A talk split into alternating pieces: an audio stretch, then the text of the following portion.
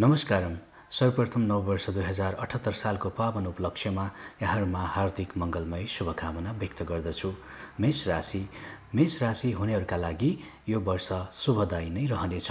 बृहस्पति र शनिको अनुकूलताले वर्षभरि नै भाग्यमा वृद्धि हुनेछ। शुभ र मङ्गल कार्यको योग पनि रहेको छ। व्यावसायिक सन्दर्भमा नयाँ व्यक्ति र नयाँ कम्पनीसँग आबद्ध हुने योग पनि रहेको छ। सन्तान सुख पनि मिल्नेछ वैदेशिक यात्रा हुनेछ तर विश्वासिलो व्यक्तिसँगको सम्बन्धमा नचाहँदा नचाहँदै पनि चिसोपना आउन सक्छ। मेष राशि हुनेहरूका लागि व्यापार व्यवसायको कुरा गर्नुपर्दा यो वर्ष व्यापार व्यवसायमा लगानी गर्नु परे पनि त्यति राम्रो नहुने र ऋण बढ्न सक्ने योग रहेको छ। खानेकुरा पर्यटक र ब्रोकर कारोबार त्यति राम्रो रहने छैन। सेयर बजारमा लागेकाहरूलाई समय निकै राम्रो रहन सक्छ। आर्थिक दृष्टिले असार असोज माघ र फागुन महिना बलियो रहनेछ भने जेठ भाद्र र पुष महिना कमजोर रहनेछ। मेष राशि हुने व्यक्तिहरूका लागि प्रेम सम्बन्ध कस्तो रहन्छ त?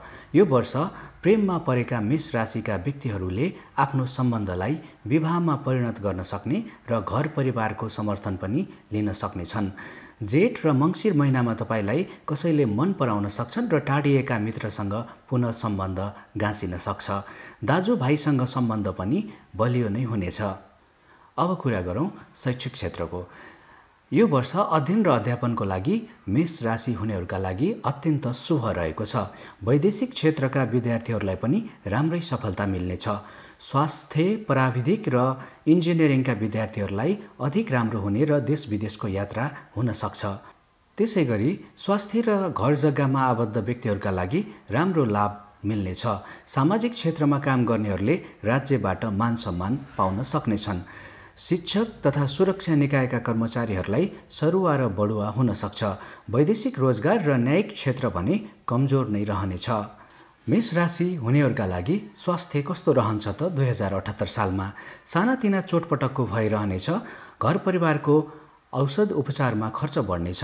वायु विकार तथा हड्डीको समस्या बढ्न सक्छ। अत आफ्नो स्वास्थ्यप्रति सतर्कता अप्नाउनुहोला। दुई हजार अठहत्तर सालको लागि मेष राशि हुनेहरूका लागि शुभ रङ गुलाबी पर्पल रातो पहेँलो र खैरो शुभ रङ हो। त्यसै गरी शुभ अङ्कहरूमा एक पाँच सात र आठ शुभ अङ्क रहनेछ। खराब ग्रह र दशाको पिरियडमा चलिरहेका मेष राशिहरूकाले वृद्धजनलाई सहयोग गर्नाले मानसिक शान्ति मिल्नेछ। शनिबार भैरवजी र मङ्गलबार गणेशजीको दर्शन र पूजा आराधना गर्नाले ग्रह पीडा कम हुनेछ। साथै प्रत्येक दिन निमुखा प्राणी तथा चराचुरुङ्गीलाई खानेकुरा दिनाले पनि भाग्यमा वृद्धि हुनेछ।